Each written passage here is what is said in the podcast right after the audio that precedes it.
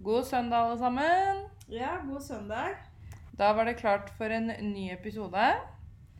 Jeg tror ikke egentlig vi trenger å si det. Jeg tror at alle Nå hører de jo. Og da vet de jo at det er en ny episode. Ja, det, det var ikke et så dumt eh, tips. Nei.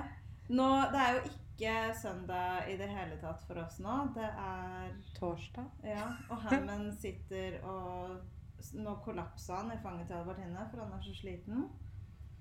Ja, det er et hardt liv, vet du. Ja. Jeg er også veldig sliten. Jeg føler meg som Hammond, egentlig, i dag. Ja. Men det er lov å ha det i perioden òg, da. Ja, det er verdt det etter hvert. Ja. Verdt det etter hvert. Det er verdt det etter hvert. Ja. Hvordan har uken din vært? Den har jo vært eh, mildt sagt interessant. Em, Vil du fortelle Vil du fortelle alle sammen om hva som har skjedd? ja, det som har skjedd, er jo at em, eh, kjæresten min, han havnet jo da på sykehuset. Kjæresten. Relasjonskompanjongen. Relasjonskompanjongen, Ja. Han havnet jo selvfølgelig på sykehuset. Eh, han eh, tok en operasjon for ca. 10-11 dager siden. Mm. Eh, som det da har gått betennelse i. ja. Eh, så han eh, ble hasta inn på sykehuset og hadde 230 CRP og 40,2 i feber. For de som ikke vet så mye om det, hva er en vanlig CRP? En vanlig CRP ligger på alt under 5 til 5, ut ifra det jeg har lært. Ja. Så det er jo 250 mer. Ja. Ja. To, 230 mer. Det, 230 mer, ja. det, det går litt i surr. Nei da, så jeg har vært på sykehuset sammen med han fra han ble lagt inn på søndag, og så kom jeg hjem i går. Eh, da, Mens du har lest til eksamen? mens jeg har lest til eksamen, den går ikke akkurat uh, Jo da, det går dritbra. Ja da. Man skal ikke snakke seg selv ned, det har vi snakket om. Mindset matters. Ja, det er akkurat det. Nei da, så det har vært en interessant uke så langt. Så det virker som at jeg blir sykepleier en liten stund framover nå. Ja. Eh, Men hva med deg? Hvordan har uka di vært? Eh, hektisk. Du og jeg driver jo og lager mitt første coachingprogram. Mm. Og podkast. Mm. Og Instagram. Og alt annet. Ja, vet du hva. Og mørkt og kaldt vær. Neste Mm. uke kommer det kuldegrader. Å, deilig. Eh, så bare gled dere til i morgen, folkens. Mm. Men ja, den har vært hektisk, men bra hektisk. Ja. Tida har gått, liksom. -hmm. Ja, Det er jo det viktigste, da. Ja, det er jo et tegn på at man er effektiv. Ja, og du Og gjør noe proaktivt.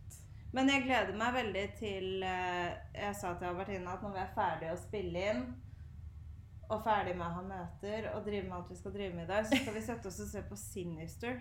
Ja. Jeg trodde at jeg hadde Jeg hadde blanda Sinister og Insidious, og Insidious har jo ti filmer. Så når jeg så Sinister 2 i går og var sånn Den her var jo dritbra. Så tenkte jeg å, smooth, nå har jeg ti filmer til jeg kan se. Men det var jo bare to filmer. Men vi skal i hvert fall kose oss med Insidious 1 etterpå i dag. ja, og det er jo en viktig ting at man tar litt mentale pauser også.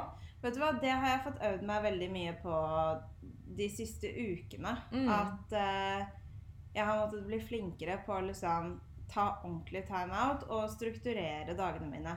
Noe som Mm. egentlig er veldig fint før jeg skal ut og coache andre på How to live your best life. Så er det greit at jeg har kontroll selv. Ja, det er akkurat det. Det er jo sånn som jeg tror vi nevnte i en tidligere episode at eh, Eller vi har snakket om før, da. At for å kunne hjelpe andre, så må man være stabil nok først. er en veldig klok kvinne som sa til meg Pernille, det er for en grunn at på flyet så sier de at du skal ta på deg din egen maske først. Mm. Eh, og det er jo veldig sant. Ja, absolutt. Må hjelpe deg selv først. Ja, jeg har, på- det er Katarina som sa det. Mhm. uh, en av mine beste venninner. Og jeg quota hun veldig mange ganger på den, fordi den er faen meg sann. Ja. Det blir jo ikke mer eh, realistisk enn det, på en måte. Nei, Så det er viktig å huske, å huske på å ta vare på seg selv. Ja, absolutt. Men det som er litt kult i dag I dag skal vi jo snakke litt om coaching og hvordan du kom fram til at du vil bli coach og sånn. Det skal vi. Men jeg har et spørsmål til deg først. Ja. faktisk. Hvordan syns du denne ukens episode er kontra forrige ukes episode? For forrige uke, det var jo da vi hadde halloween-specialen vår. Mm. Uh, hvor vi gjorde research og hadde en litt sånn annen innfalls, innfallsvinkel. Innfallsvinkel. Mm. Hvordan syns du Jeg merker nå at jeg syns forrige uke var veldig gøy. Mm. Så jeg er sånn åh, Jeg har lyst til å putte mer av det Ja. Altså, forrige inn i det vi driver med. Ja, og tingene, det som er gøy, var at da hadde vi på en måte et veldig bestemt tema. Eh, og vi visste hva vi gikk til, hvis du skjønner. Og det var det som også gjorde at det var veldig gøy å sitte og klippe den. Den klippet jeg til klokken seks på morgenen, folkens. Det var gøy. Ja, og så er det litt det at uh, det vi snakker om til vanlig, bortsett fra når vi har gjester, da, Mm. så er det liksom sånn Ja, hvordan syns du det var å ha kreft? Ja. Og så er det sånn Jeg trenger jo ikke forberede meg for å snakke om det. Nei, nei, nei. Så uh, til dere som hører på, gjerne gi tilbakemelding om ideer. Fordi jeg hadde syntes det hadde vært litt gøy å gjøre litt mer av uh, sånn vi gjorde i forrige episode. Ja. For det Så- blir litt gøy. Det er noe litt annerledes enn det sånn som du sier man driver med til vanlig. da. Mm. Hvor det vi på en måte snakker om, det kan vi såpass mye at eh, vi, vi bruker ikke så mye tankekapasitet på det sånn sett. Nei, og så syns jo Jeg elsker jo skrekk og overnaturlige greier, så Mm. selvfølgelig, det er jo drømmen min. Uh, Ja, for jeg har veldig lyst til å gjøre mer av det. ja det, så, kanskje vi skal ha julespecial. Folkens, kanskje Ikke at vi kan eh, gjøre så mye Hva fikk du til julekreft? Jeg vet ikke helt hvordan vi Det skal en veldig fin Jeg vet ikke helt hvordan vi skal gjøre en julespecial av en kreftpodcast. Men det jeg har tenkt på da For jeg har jo myldra Jeg har egentlig planlagt desember-episodene våre allerede. Fordi jeg er litt skada, folkens. Beklager. Men jeg har jo Julekalender blir feil å si. For det kan man ikke si. Men det er sånn eh, Første søndag i advent, hvordan opplever du at julen er med kreftsykdom? Altså at man tar det litt sånn Ja. Om det gir mening. Ja. Fordi vi kommer til å legge ut alle søndagene i advent. ja, vi er jo faen meg i desember snart. Tiden går jo så fort. Og så skal vi jo ganske snart ha en gjest til, faktisk. Ja, det stemmer. Så det blir jo også litt utenom det vanlige. Ja, og det er det som er litt gøy, at vi har litt å se fram imot, og det er litt ting som skjer, og det tror jeg også er viktig. Ja. Ja. Ja, men da, jo, da kan vi jo starte på episoden, folkens. Um, så Trommevirvel. Vi skulle hatt sånne lydeffekter. Det kan jeg faktisk prøve å se om jeg får til, for det har jeg tenkt på veldig lenge, at jeg vil prøve å lage en type intro. Sang blir feil, men intro Jeg foreslo Jingle. jo det til deg før vi i det hele tatt hadde starta podkasten. Så sa jeg til deg ja, hva med sånn introlåt? Ja, jeg må bare lære meg hvordan man lager det først. Ja, da fikk jeg tydelig beskjed at det var jævlig dyrt, og at det var ikke noe vits. Vi hadde ikke noen lyttere eller en eneste episode engang. Der ser dere, folkens. Det var negativt av meg. Da må jeg omstille meg, ikke sant? Ja. Men jeg har veldig lyst til å gjøre det. Og jeg, jeg syns vi skal lage en jingle. Ja, og det som er så gøy, er at uh, min uh, kjære har nemlig sånn DJ-brett med masse knapper og sånn. Sånn lyder. Ja. Så jeg tenkte at neste gang jeg skal opp dit, så skal jeg stjele det og leke meg litt med det. Og se om jeg får til noe. ja, fordi det hadde jo vært litt gøy, og det er jo på ti Hvilken episode er vi på nå? Vi er på episode ti? Nei. Jo. Du, det var rart, for jeg skulle ak vi er sikkert ikke på episode 10, for jeg føler at vi aldri har kontroll på hvilken episode vi er på, men jeg jeg skulle akkurat til å si det at eh, episode 10 hadde jo vært en fin episode å ha en starte med jingle. Nå skal jeg faktisk sjekke, folkens. Fordi dette her har jeg Jeg har måttet klippe inn så mange ganger. Ja, folkens, jeg har sagt feil. Ja, ja. Så nå skal vi faktisk se. Jeg mener det er episode 10 vi er på nå. Nei, vi er på episode 11. Å ja. Mm. Fordi Ja. ja. Men da teller du ikke to episoder hver søndag? Så sånn hvor mange søndager har vi Fordi engelsk og norske ser jeg jo sånn som nå på søndag når vi legger ut, så tenker jeg at vi legger ut én episode. Selv om vi legger ut Oh my god. Ja, da er vi jo ikke på episode 9 engang. Da er vi på episode ni. Jeg- vent, for da blir jo det én episode. Jeg har tatt liksom Vent, nå må jeg tenke. Åtte episoder. Ja. Er det det? Ja, men det er Ja. fint. Da har vi to uker på oss til å lage en jingle. Ja, da skal jeg bare skrive inn at dette er åtte episoder, fordi på tingen er at den plattformen vi bruker, folkens, så må du skrive inn episode Altså, det må være tall. Ja, nei, men Da er vi to uker til å lage en jingle på oss, og det skal vi pokkeren meg få til på en eller annen måte. Pokkeren. Pokkeren er meg. blitt 80 år gammel i dag. Ja, jeg har jo sett eh, mange pensjonister de siste dagene. Ja. Jo, nei da. Men eh, det skal vi prøve å få til. Det var en god idé. Så Pernille, kan ikke du fortelle litt om hvorfor du hadde lyst til å bli coach? Hva som fikk deg til å ville bli det? Eh, det ramla jeg inn i, egentlig. Fordi jeg I så mange år jeg kan huske, så har jeg hatt lyst til å på en måte Drømmen har jo vært av å kunne leve av å hjelpe andre. Mm. Sånn egentlig. Eh, så håpa jeg jo lenge at jeg skulle vinne i Lotto. Ja. Ehm, jeg er litt sånn Jeg liker magi i hverdagen. Jeg liker å håpe og tro. En litt sånn fun fact. Det er egentlig ikke en fun fact i det hele tatt. Det er egentlig veldig trist for meg. Jeg og Stine Lise pleier veldig ofte å le av det her at i fjor på denne tiden Mm. så hadde jeg en skikkelig sterk følelse inni meg at nå, nå kommer det snart til å skje noe stort.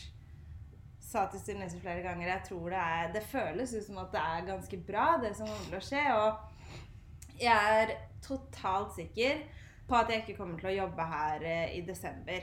Eh, jeg hadde en dritsterk følelse av det, og det startet i desember. Ja, desember, ja. Ja. Mm, så jeg Og så sa jeg til Sunne Lise, fordi jeg har alltid drømt om å uh, vinne i Lotto. Ja. Sånn at jeg kan starte en veldedig stiftelse og et ungdomssenter. ja. Og en uh, bondegård hvor man kan ta inn alle dyrene fra Dyrebeskyttelsen som skal avlives. Det, det har liksom Mm. vært drømmen min. Mm. Så til de grader at jeg har tenkt sånn Ja, men herregud, drømmer kommer jo fra et sted. Mm. Så sier jeg til Sinise at uh, jeg, tror, jeg tror kanskje det her skjer nå. Jeg tror kanskje at uh, det føler, Jeg vet at det kommer til å skje noe stort. Jeg vet at jeg kommer ikke til å jobbe her til julen. Og jeg tror kanskje, ikke for å jinxe det, men jeg tror kanskje det er nå jeg kommer til å vinne i Lotto og starte med ledig stiftelse. ja. Hvordan gikk det? Jeg fikk kreft. Det var det som var det store. Det er jo helt sykt, fordi jeg visste jo at det kom til å skje noe jævlig stort sånn at jeg ikke skulle være på jobb i jula, men Mm. jeg trodde det skulle være å vinne i Lotto, og så Ja. var det at jeg fikk kreft isteden. Ikke helt uh... Det var jævlig bommert. Til og med senest i dag så skrev jeg til Stine sånn Jeg kan fortsatt ikke tro det der. Jeg dauer av Mm. latter hver gang jeg tenker på det, liksom. eh, men når jeg ser på det, så hadde jeg jo ikke helt feil. Nei? Fordi jeg så på det som starten av liksom det nye livet mitt, hvor jeg skulle vie livet mitt til å hjelpe andre. Og det var det jo, fordi hadde det ikke vært for kreftene, så hadde jeg ikke sittet her og drevet med det jeg driver med i dag. Mm. Og jeg hadde jo i hvert fall ikke vært coach. Nei. Um, så nå har jeg, som jeg alltid gjør, snakka meg veldig bort fra det du egentlig spurte meg om. Men det som var, var at eh, når jeg var ferdig med kreftbehandlinga, så startet jo jeg ganske fort igjen å jobbe. Mm. Jeg, var, jeg ble rulla ut av Radiumhospitalet i starten av februar, og eh, i starten av april så begynte jeg å jobbe igjen. Ja. Og veldig fort da så kjente jeg at det begynte å gnage, og at det var sånn Nei, jeg må hjelpe andre. Jeg må gjøre noe mer verdifullt. Ja. Eh, og så begynte jeg liksom å Jeg gikk ordentlig Eller først så sendte jeg en melding til deg og var sånn Vil du starte opp en bedrift? Ja, hva da? Nei, det vet jeg ikke. Så jeg gikk jo skikkelig i tankeboksen og var sånn OK, hva, hva vil jeg gjøre, liksom? Og Mm. så egentlig plutselig en dag så bare Ding, ding. Du skal bli coach. Mm. Um, og det hjalp jo meg veldig fordi at uh, jeg sleit jo litt med ting føltes overfladisk, monotont. Så jeg fikk på en måte coaching samtidig som jeg kursa meg til å bli coach. Og Ja. det hjalp jo meg helt jævlig mye. Eh, så det var liksom veien for meg å komme tilbake til livet etter kreften, men også å finne det jeg var ment til å gjøre resten av livet, da. Mm. Um, så jeg, jeg ramla jo egentlig veldig ut i det. Ja. Og det, jeg tror at når det skjer på den måten, så blir det på en måte så organisk. Ja. Uh, ja, men det neste spørsmålet jeg har til deg, det er Når du utdanner deg til coach, Mm. velger du noe spesialisering på en måte? Ja. Uh, Det er masse forskjellige greier man kan velge. Jeg valgte jo i utgangspunktet mindset og NLP. Mm. Uh, og det er fordi at det er det jeg liker best selv. Mm. Når jeg var eh, Når vi var i USA Mm. med pappa den gangen, det var jo da jeg hadde mitt sånn breakthrough moment. Eh, den ene dagen hvor vi satt i bilen. Mm. Og da hadde vi vært der nede i fire dager, tror jeg. Og jeg var så jævla negativ og sur. Jeg husker ikke pga. hva engang. Mm, Det er nettopp det. Jeg husker ikke hva jeg var sur for lenger engang. Mm.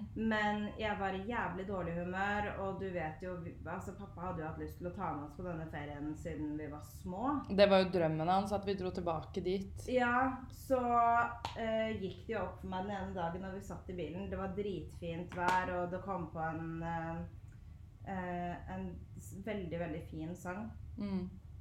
Og da fikk jeg bare en sånn Her sitter du på drømmeferien som du aldri kommer til å oppleve igjen, Mm. eh, og waster alt. Du får ikke med deg en dritt du, fordi du er så sur, liksom. Mm. Og da bare bestemte jeg meg for å endre på det fullstendig. Og Mm. da Jeg googla meg jo i hjel, rett og slett, og fant liksom ut hvordan kan jeg Hva er det som skjer, nummer én, og hvordan kan jeg omprogrammere det, og liksom gjorde hele denne greia selv. Ja. Eh, og eh, det jeg ofte pleier å fortelle, er da jeg skjønte at jeg hadde klart det, Mm. var jo når jeg sto inne på badet, og så hadde jeg kjøpt meg to nye ansiktsrenser. Den Mm. ene var fra Glamglow og kosta 500 eller noe, og den andre var fra La Mer og kosta en tusenlapp. Og så klarer jeg å dulte borti den der hylla som det står på, og så er det noe som faller ned og knuser. Og så snur jeg meg rundt, og så ser jeg at det var en, altså da den helt nye rensen fra Glam Glow. Ja. Og det naturlige for mennesker er jo å bli sånn Fy faen, jeg har ikke brukt den engang, og den knuste. Alt var jo Den var helt Ja. Eh, men da eh, snudde jeg meg og så sier jeg sånn Å, men herregud, det var flaks at ikke det var den fra Lamer, for det hadde i hvert fall vært kjipt. Mm.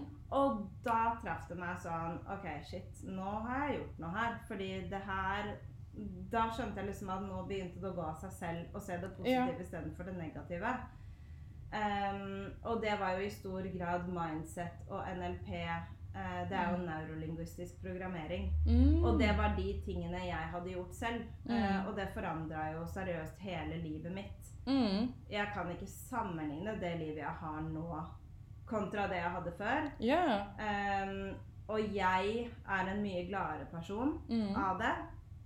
Så for meg var det ikke noe tvil engang når jeg skulle velge liksom, hvilken vei jeg ville gå. Ja, ja. Men du har jo holistisk coaching. Ja. Du har noe som bare heter life coach. Ja. Det syns jeg høres veldig bredt ut. Jeg har ikke satt meg noe inn i de tingene jeg ikke valgte selv. Nei, nei, nei. Um, og så er det veldig mange andre ting. Det er business coach. Det er vel egentlig alt mulig rart? Ja, jeg tror egentlig det. Så det er liksom sånn Hva som floater din boat, da. Og Ja. pluss at du bør jo nisje deg ned der du er best. Mm. Hvor altså sånn Jeg vil jo ikke coache menn. Jeg kan godt gjøre det hvis Ja. jeg øh, liksom En eller annen kommer som jeg kjenner godt, eller som jeg stoler på, på en måte. Men det mm. å coache menn Altså, coaching foregår jo i stor grad på Insta. Mm. Eh, Det er jo der du møter gjerne de folka som trenger hjelp, ikke sant? Mm. Du eh, averterer deg som coach og snakker med folk der. Og det jeg har erfart, er jo det at alle menn, de Det er jo ikke coaching de er ute etter. De er ute etter your vagina, rett og slett. Så, Ja. så jeg tror også det er veldig naturlig for kvinner at de velger kvinner, og menn at de velger menn. Det er jo dem man kan relatere seg mest med. Så er det noe med komfortsone også, tror jeg, å gjøre. Ja, og jeg skjønner det at eh, jeg Nå er det nesten sånn at hvis eh, en gutt Med mindre det er en av coaching-kollegaene mine, liksom. Mm. Så er det sånn at hvis en gutt begynner å sende meg meldinger eller like ting, så blir jeg med en gang sånn oh, OK, jeg må være frekk mot han, fordi dette Mm. maset her orker jeg ikke. Mm. Uh, og det er det veldig mange av de andre coaching-jentene som også sier. Mm. Uh, så derfor har jo jeg naturlig valgt kvinner. Og så Mm. er det jo da OK, hvor er det jeg er best? Nei, jeg snudde om livet mitt på bakgrunn av det her. Uh, jeg har jo hatt kreft. Mm. Så du velger jo, hvis du har gått gjennom en skilsmisse f.eks., og du klarte å håndtere den bra som faen, og du kan Mm. relatere deg til problemet, så la meg si at da er du female divorce coach. Ja, ok. ok, helping mm. women find their groove again. Ja.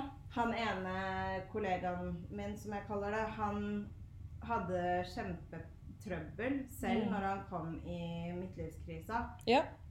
Så han har eh, nisja seg ned til å være liksom midtlivskrisecoach for menn. Mm. Så det er jo sånn du gjør det, ikke sant? At du, du tar Er du dritgod på hest, da, så kan du være med... Ja, du tar liksom en problemstilling på en måte som du klarer å håndtere veldig, veldig Ja, bra, og så det. gjør det til en nisje. Ja. Ja. Det du er god på, det du har erfaring med, det du har liksom passion for. Mm. Og sånn som for meg, da. Ok, jeg vet at jeg endra livet mitt på bakgrunn av det her. Mm. Eh, så gjør jo det selvfølgelig at jeg er veldig sånn derre Herregud, jeg har funnet opp hjulet. Mm. Og da Jeg vet at jeg er kickass god i det jeg gjør. Ja, Og jeg tror det er det som måte er viktig for enhver coach. At det du, altså det du alternativt velger, Mm. det er det du brenner for. Og så er det veldig vanlig at du bytter om nisje i løpet av tiden din. Fordi Mm. vi forandrer oss jo som mennesker, ikke sant? Ja, ja, ja. Mm. Og jeg tror det er viktig sånn som du sier, å ha en open mind til det også. For da kan du eh, strekke deg ut mye mer. Du kan reache mye mer. For man er jo ofte flink i en eller flere ting. Jeg tror sånn som, eh, som du sier, det å kunne strekke seg ut og eh, bli bedre i flere ting, kunne da coache i flere ting, ikke sant, er en fordel. Ja, men så er det også veldig viktig å være veldig spesifikk i hva du hjelper på. Mm. Fordi at hvis du er altfor bred, så vil Sånn som en life coach. mm.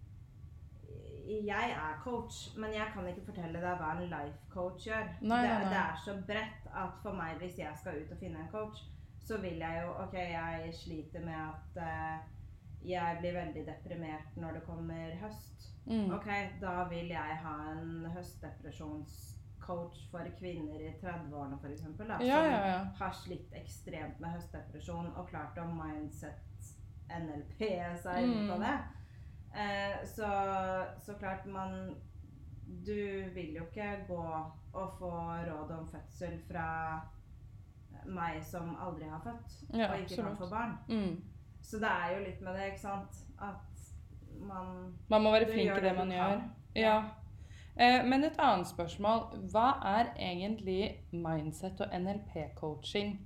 For jeg kan ikke så mye om det her. Altså, NLP er jo neurolingvistisk programmering. Mm. Eh, så det er rett og slett hacks for hvordan å omprogrammere hjernen din. Mm. Det er jo veldig Jeg har jo nettopp eh, skrevet et innlegg i dag som handler om negativity bias. Mm. Og det er jo veldig mange ting som Og jeg syns jo sånn her er så sinnssykt interessant. Mm. Sånn som Veldig mange jenter er jo sånn Å, jeg var på date med han og han, men så hooket vi opp, og etter det så ringte han meg ikke. Mm. Det her er jo et problem man har hørt i all, all tid. Og så er det jo da de gamle tantene som er sånn Ja, men du må ikke selge mjølka Nei, før bjørnen er skutt. Selger skinnet før bjørnen er skutt. Ikke gi bort melka før man har kjøpt kua, er det ikke noe sånn? Det eneste jeg har hørt, er det med skinnet. Uansett. Metafor. Ja, ikke gi bort melka di gratis, liksom. Og Mm. her er jo da melka your vagina. Ja. Så det er liksom Men Og det har jo gjerne eldre folk, folk sagt fordi at de er prippende, og det er skam rundt det å være Mm. kvinne. Og det er en helt annen ting som jeg også kan snakke om i 40-100 år. Men det som er interessant, er at det er jo faktisk ordentlige ting bak det her. Mm. Fordi ja, det er en greie med at hvis du vil ha en kjæreste, Mm. så bør du holde igjen ganske lenge før du har sex. Og det er rett og slett fordi at vi er jo huleboere, Mm. egentlig. Mm. Og mye av det som skjer i hjernen vår, er jo programmert og hardwira gjennom evolusjonen. Så greia rett og slett med menn er jo det at hvis Når man har hatt sex, så frigjøres det eh, hormoner i hjernen som gjør at de er ferdig og vil videre. Mm. Fordi at hele poenget er jo det at de skal spre sæden sin for at rasen skal ha større sjanse for å overleve. Mm. Og for at DNA-et hans skal ha større sjanse for å spre seg og leve videre. Ja. Det er jo det som er greia. Mm. Og for å på en måte motvirke den følelsen der, som da slippes ut i menn etter mann, Og det er jo ut, Det kommer fra orgasme, liksom. Mm.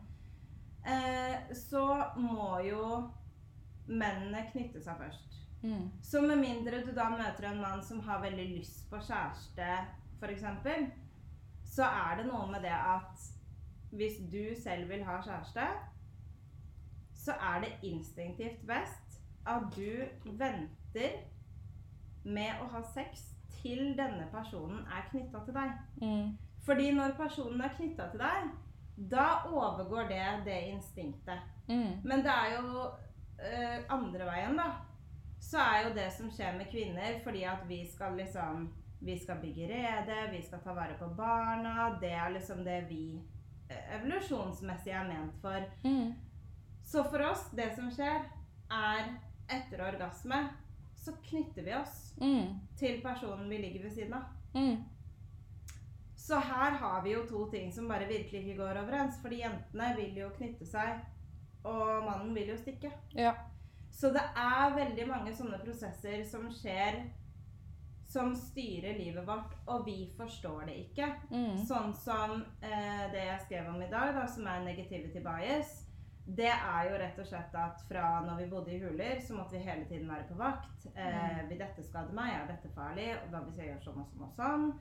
Og det er jo fordi at vi ville gi rasen best mulig Det føles så rasistisk ut når jeg sier rase, men det, i hodet mitt så blir det sånn Men Jeg vet ikke hva annet man kunne sagt, egentlig. Nei, altså for rasens overlevelse Mm. og for at eh, DNA-linja di skal ha best mulig sjanse for å liksom bestå lenger ned og etter deg. Mm. Eh, men vi bor jo ikke i hulet lenger, og vi trenger ikke å drive og lete etter fare lenger. Og det som skjer da, er at det du begynner med, er Å, baksnakker de meg når jeg gikk på do nå? Selvfølgelig liker jo ikke han meg. Åh, jeg kommer jo ikke til å få den jobben. Ja, selvfølgelig så er jeg dritstygg i dag. Mm. Alle de tingene kommer så, altså Selvfølgelig så blir det jo forsterket av f.eks. For mobbing eller sånne ting i Mm. oppveksten. Men det er også veldig mye fordi at det er sånn Vi er det instinktet blir i den verden vi lever i nå. Mm. Eh, og så går man jo da Og det er jo det her jeg syns var så jævlig interessant når jeg starta. At å putte disse instinktive greiene sammen og skjønne hvorfor ting fungerer sånn som de gjør, Mm. det var liksom første brikken til å motvirke det. Men jeg måtte forstå det først, og det var jo Mm. det jeg syntes var så jævlig interessant med disse tingene her. da, at Ok, du sliter med at du snakker deg selv ned, Mm. men vet du at det er egentlig fordi du er en huleboer? Mm. Sånn er hjernen din. Mm. Det er jo dritinteressant. Mm. Eh, og Det er jo noe jeg føler ikke blir snakket nok om. Hvis du skjønner hva jeg mener? Når jeg først lærte meg om det her, så var jeg sånn Hvorfor snakker vi ikke om det her på skolen? Det her er jo ting man må lære på Eller jeg synes man må lære, fordi det er så viktig å skjønne hvorfor er du som du er, og hvorfor er du som du er. Ja, Hva er da det som egentlig skjer underliggende? Ja, pluss at det blir jo også Jeg har ikke tall på hvor mange ganger jeg har hørt sånn Ja, han var jævlig drittsekk fordi han Mm. hadde sex med henne en gang, og så ghosta han henne etterpå. Er det sånn Ja, men det er instinktet Ja. Han er ikke et Og det å forstå disse mekanismene her, da, Mm. gir deg så jævlig gode verktøy for å forstå livet Ja, og de som går rundt deg. absolutt. Så jeg er jo supernerd på disse tingene. Jeg syns det er kjempespennende. Mm. Eh, og mindset er jo også Det er jo spennende i seg selv. Ja, og det er jo i mine øyne nøkkelen til hvordan livet ditt er. Har du et dårlig mindset, så har du et drittliv. Har du Mm. et bra et, så har du et ganske send og bra liv. Det er akkurat det. Og da klarer du mm, å håndtere mye bedre de tingene som skjer deg. Mm. Altså, når jeg fikk kreft Mm.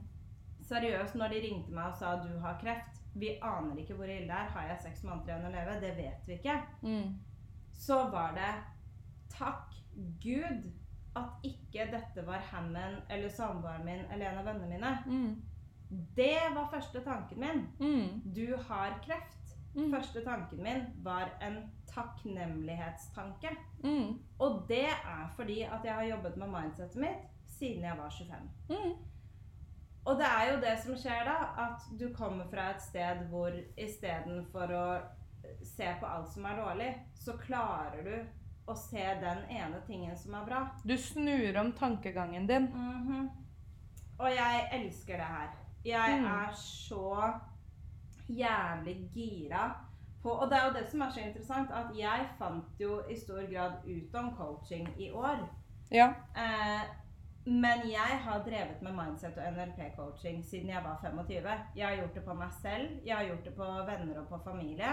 Mm. Så det som også var så sykt interessant med f.eks. han veilederen jeg hadde, når jeg begynte å fortelle til han, så ble jo han litt sånn Hæ, har du gjort dette selv? Det her Mm. er liksom neurolingvistisk programmering. Mm. Og det du snakker om nå, det heter det og det og det. Mm. Og jeg var sånn Å ja, nei, det begynte med da jeg var 25. Ja. Yeah.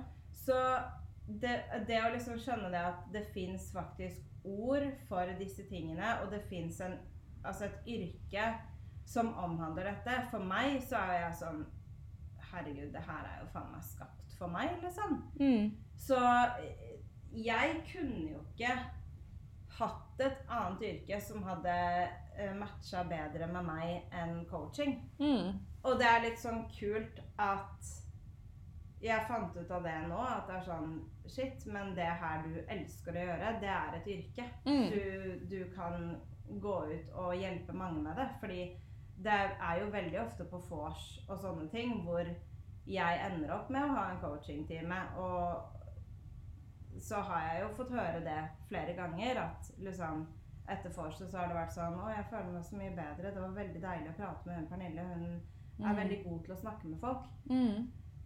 Så øh, Og jeg har jo tulla med det flere ganger. At herregud, jeg burde jo tatt penger for det her. Mm. Eh, og det er jo et yrke. Folk tar jo penger for det. Og det er en Mm. legit greie, og det funker. Og hvis du gjør det ordentlig, så er det ikke piss. Altså, Det er akkurat det. se på den personen vi har snakka om, som Mm. var en av de første klientene mine, som nå ikke har hatt angstanfall Mm. etter liksom programmet med meg, da. Og det viser jo at det funker. Ja, og det er jo fordi at man nøster opp i ting man ikke har liksom tatt tak i før. Mm. Absolutt. Så jeg er totalt nerd på disse tingene. Jeg elsker det. Mm. Men hvis du skulle gi tips til noen som har lyst til å bli coach, hvilke tips ville du gitt? Eh, først og fremst så ville jeg sagt sett deg ned med deg selv. Hva er, hva er det du vil her? Mm. Hva er det, hvorfor vil du det her? Mm. Uh, og hva er det du vil oppnå med det? Mm. Eh, og så vil jeg tipsa om stol på deg selv. Det Mm. fins veldig mange coachingskoler der ute. Veldig mange coaching-coacher. Og alle vil veldig gjerne dra tak i deg når du begynner å stikke nesa nedi det her. Og ha is i magen. Eh, velg med omhu. Tenk på vibes. Hvem er det du viber med? Mm. Uh, og hvis noe føles feil, så stol mer på deg selv enn de som driver coachingskolen. For det er en ting jeg har erfart, at um, jeg er veldig fornøyd med den skolen jeg gikk på til dels, men jeg merker også at uh, verdiene mine kan skille seg fra noen av veilederne. Mm. Hvor f.eks. penger, betaling, måten å gjøre ting på, er ikke jeg nødvendigvis helt enig i. Men heldigvis er jeg, jeg er veldig trygg i meg selv og har aldri egentlig tvilt på mine egne avgjørelser. Skal jeg gå til høyre, skal jeg gå til venstre? Mm.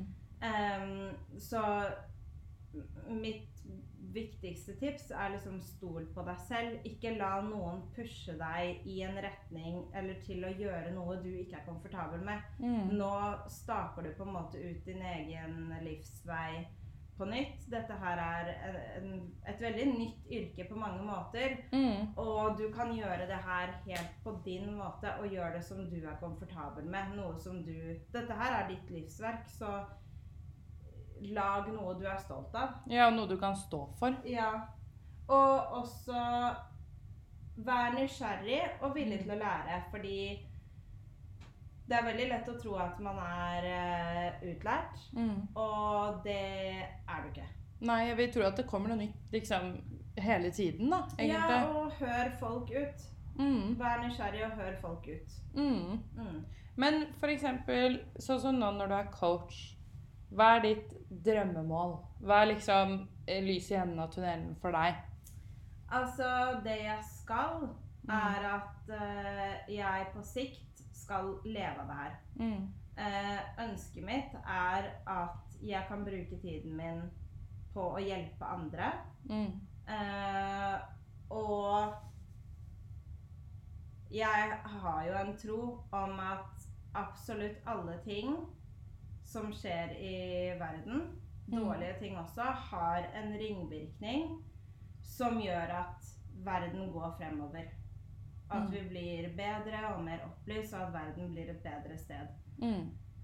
Og det jeg vil, er egentlig bare å hjelpe så mange som mulig. Mm. Uh, og jeg føler 100 000 prosent at nå har For jeg har lenge liksom visst at ok, jeg er her for å hjelpe andre, og det har jeg skjønt mye ut ifra når jeg har coacha før jeg skjønte at det var coaching. Mm.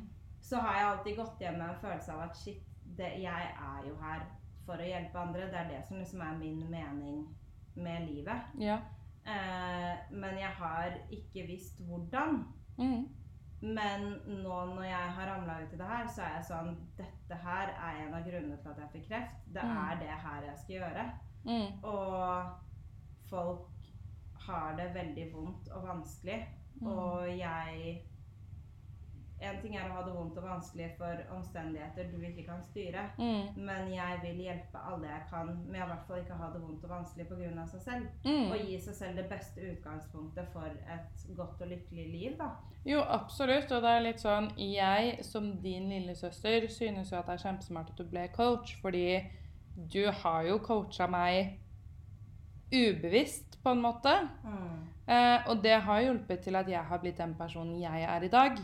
Mm. Eh, så dette er jo noe jeg synes du passer veldig godt til. Jeg som har kjent deg siden du var liten. Altså siden vi var små. Ja, takk for det. Eh, Det er veldig hyggelig av deg å si. Jo, men det er liksom Nå våkna Hammen her fordi det knakk i knærne mine, folkens. Um, Nei. Nei, men jeg tror at coaching er nok noe som vil bli større og større og større i samfunnet vårt. Fordi det er flere og flere som nå ser at jeg har et behov som kanskje ikke den vanlige, tradisjonelle veien kan fylle. Ok, da prøver jeg dette. For jeg har jo noen venninner som har prøvd coaching, Ja. og som synes det har funka dritbra. ja, for det jeg syns er interessant, er det at min verden har jo blitt ekstremt mye større etter jeg starta med dette her. Mm. Og jeg ser det at eh, Norge er nok dårligst på det. Mm. Det er minst Altså her er det jo nesten litt som om jeg sier at jeg skal bli tryllekunstner eller popsanger, liksom. Ja. Til noen. Når jeg sier, ikke til alle, da, selvfølgelig, men noen ganger hvis jeg sier der at nei, jeg har blitt coach, eller jeg skal bli coach, Mm. så er det sånn som om jeg skulle sagt at jeg skal bli catwalk-modell når jeg er 59, liksom. Mm. Eh, så det jeg har merket meg 100% er at Norge er nok de som er mest bakpå på akkurat det her. Mm. Det er ikke mange som gjør det. Og det er ikke så mange som vet helt hva det er heller i Norge. Og det syns jeg er veldig synd, fordi klart en av de tingene jeg også gjerne kunne tenkt meg, var jo å være face to face coach i Norge. Og da spesielt f.eks. med kreftpasienter. Mm. Uh, men jeg ser at det er nok ikke mm, noe som kommer til å skje før om et par år. Når man forhåpentligvis har kommet lenger med det, da. Nei, det må nok utvikle seg litt mer først i Norge før det blir eh, aktuelt, på en måte. Ja, det tror jeg. Men jeg tror vi går i veldig riktig retning nå. Jeg ser jo at coaching blir mer og mer eh, stilt fram, hvis du skjønner. Ja, og så ser jeg også det at f.eks. sånn som på Instagram, da, så er det sånn eh, i starten, hvis, eh, når jeg la ut meningsmålinger f.eks., Mm. så var det veldig få eh, Sånn, En ting var vennene mine, men det var Mm. veldig få nordmenn Mm. som svarte på de. Mm. Eh, dritmange fra de andre landene, men Mm. veldig få nordmenn. Og det tenkte jeg også litt på at det er fordi at da blir du plutselig veldig avkledd hvis det er en sånn 'Hvor glad er du i dag?' eller Mm. det er lov til å kutte ut folk av livet ditt og sånne ting. Det er eh, I Norges syn så er jo det litt sånn Mm. å gjøre seg sårbar, da, kanskje. Ja, ja, ja. Og det er ikke så veldig mange glad i. Nei, men jeg ser det at nå begynner det å snu seg litt rundt med de som har fulgt meg fra starten av. At nå Mm. ser jeg at noen av de begynner liksom å trykke seg mer frem på Ja, uh, være med på meningsmålinger og, og sånne Mm. ting. Så det er jo bare det at man må på en måte bli kjent med, med hva det er. Mm. Og så selvfølgelig hjelper det jo at jeg driter fullstendig i hva andre syns, ikke sant. Jeg, for det er jo en av de tingene man går veldig dypt inn i på uh, hvert fall den coachingskolen jeg har vært på, og jeg tror det gjelder alle Mm. coachingskoler og coachene for coacher. Mm. En av de første, eller største tingene de driver med, er hvordan skal du tørre å drite deg ut. Det er Mm. liksom det greia er. At veldig mange har problemer med å legge ut innlegg og være sånn Hello, I'm a coach, bla, bla, bla. Mm. Så, og jeg husker når veilederen min, når vi kom til det punktet i mitt kurs, da, og veileder, veilederen skulle ta det med meg, så stoppa jeg henne og sa sånn Du, jeg vet hva vi skal gå gjennom nå. Og helt ærlig, det er ikke noe vits, fordi jeg driter fullstendig i hva folk sier om meg. Liksom, jeg, jeg vet selv hvem jeg er. Hvis du nå skulle begynne å bli danser, da, og legge ut dansevideoer på Insta, så hadde jeg aldri i verden giddet å bry meg om det.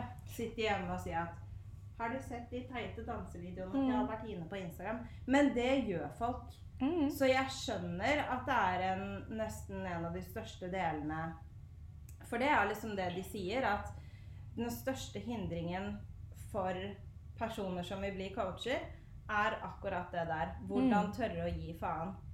Så Og det er så viktig i livet generelt, føler jeg. ja, og jeg tror nok at det er en av de tingene som har hjulpet meg aller mest. At Mm. jeg Du gir faen. Altså sånn Det er jo viktig for meg at de som er rundt meg, føler seg sett og hørt og respektert av meg. Mm. Men jeg tror også hvis eh, noen hadde kommet til meg og sagt Du, Albertine sa at du var en hore, og at du er skikkelig dust.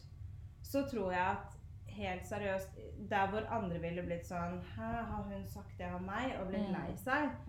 Så ville jeg blitt sånn Oi, jeg tror Albertine har slått hodet sitt. Ja, det er Fordi- akkurat det. Ja, fordi jeg er så sikker på meg selv at det er Mm. sånn Ok, da har jo du et eller annet rart Ja, problem. tingen er at da er det ditt problem, ikke mitt. Ja, pluss at jeg, det er også sånn Ingen kan komme og fortelle meg noe om meg selv. Nei. For jeg vet hvem jeg er. Det er Men det det. er en gave, og det er veldig, veldig få som har eh, vært like heldige som det jeg har vært med det. Og Mm.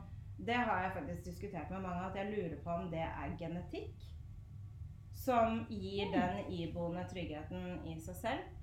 Det var Eh. faktisk et veldig bra spørsmål. Ja, for det har jeg tenkt ofte på. At jeg lurer på om den For jeg føler at det er en medfødt trygghet i Mm. meg selv, og det lurer jeg nok på om er genetisk.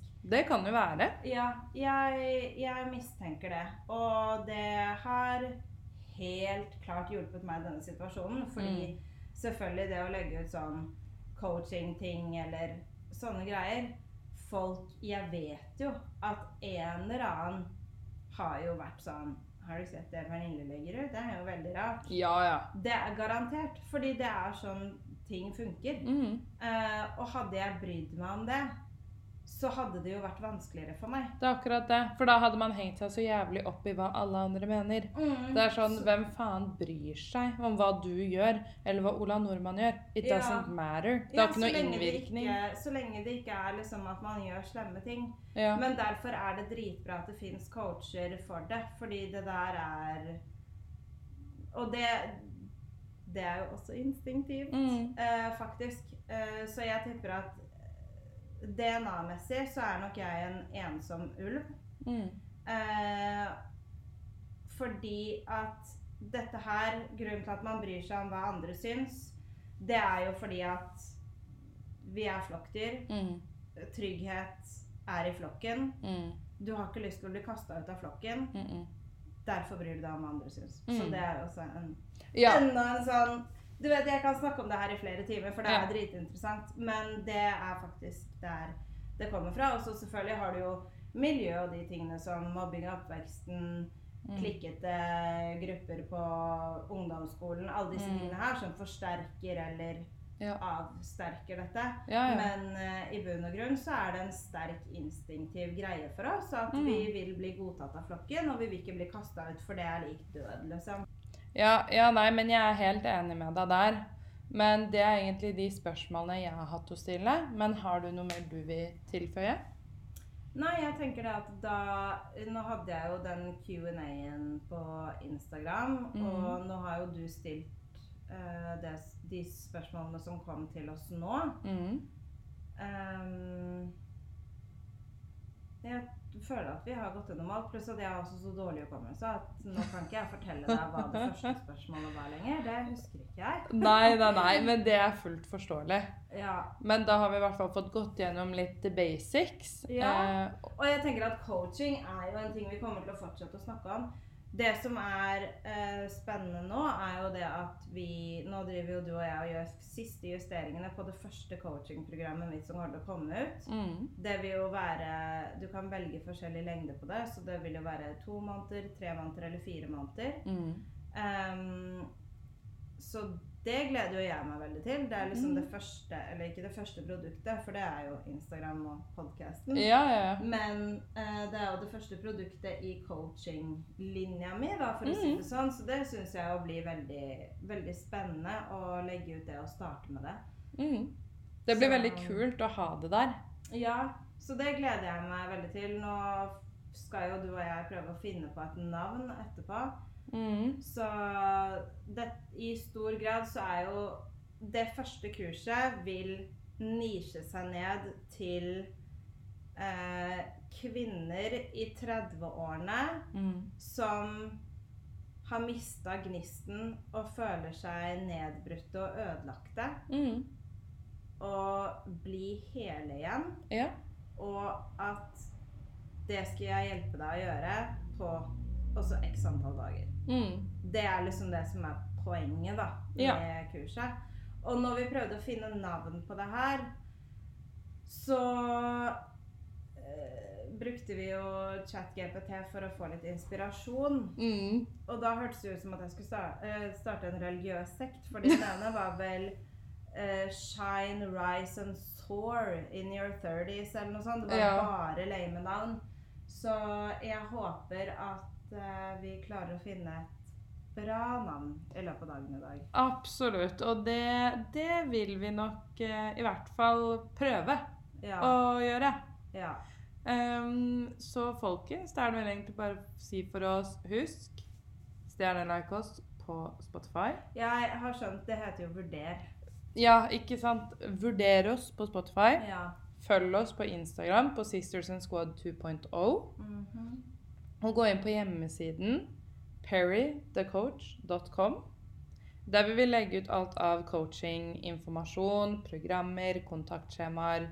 Og, og en annen ting også, hvis eh, noen av dere er interessert i coaching, så er det bare å sende meg en eh, mail eller DM eller noe sånt. Og eh, det jeg vet, i hvert fall på denne norske episoden, så kan Mm. det være greit å si det at eh, coachinga er min business. Mm. Eh, så hvis du sitter og egentlig har lyst til å sende meg en melding, men du tenker at å, det er Pernille, hun kjenner jeg fra før, og hun kjenner den og den personen, så er alt er konfidensielt Mm. eh, når det gjelder min coaching. Så det er bare å fyre løs hvis man, hvis man har noen spørsmål. For jeg fikk en melding fra en bekjent av meg Mm. eh, som skrev det at jeg har vurdert å ta kontakt, men man har ikke lyst til å kle av seg foran folk man allerede kjenner, liksom. Ja, ja, ja. Eh, og jeg lurer bare på hvordan håndterer du det? Er det konfidensielt, Mm. eller er det ikke det? Og da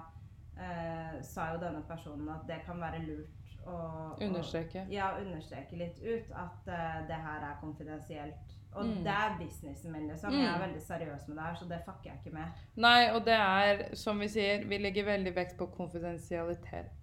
Ja, altså hvis din eh, beste venninne hadde Mm. sendt meg en melding og spurt om coaching, Så så hadde ikke jeg fortalt det til deg Nei. heller. Så det bare sånn at det er sagt, liksom. Mm. Og til neste gang, så hva er det vi ble enige om å si? Vi høres, vi lyttes. Ja, vi høres. Vi høres. De hører oss. Vi kunne jo sagt vi prates, men det blir feil. Ja. Så da høres vi i neste episode av Kimoklubb. Det gjør vi. Takk for at dere hørte på oss i dag. Takk for at dere hørte på. deres. OK. Ha det, Ha folkens. det.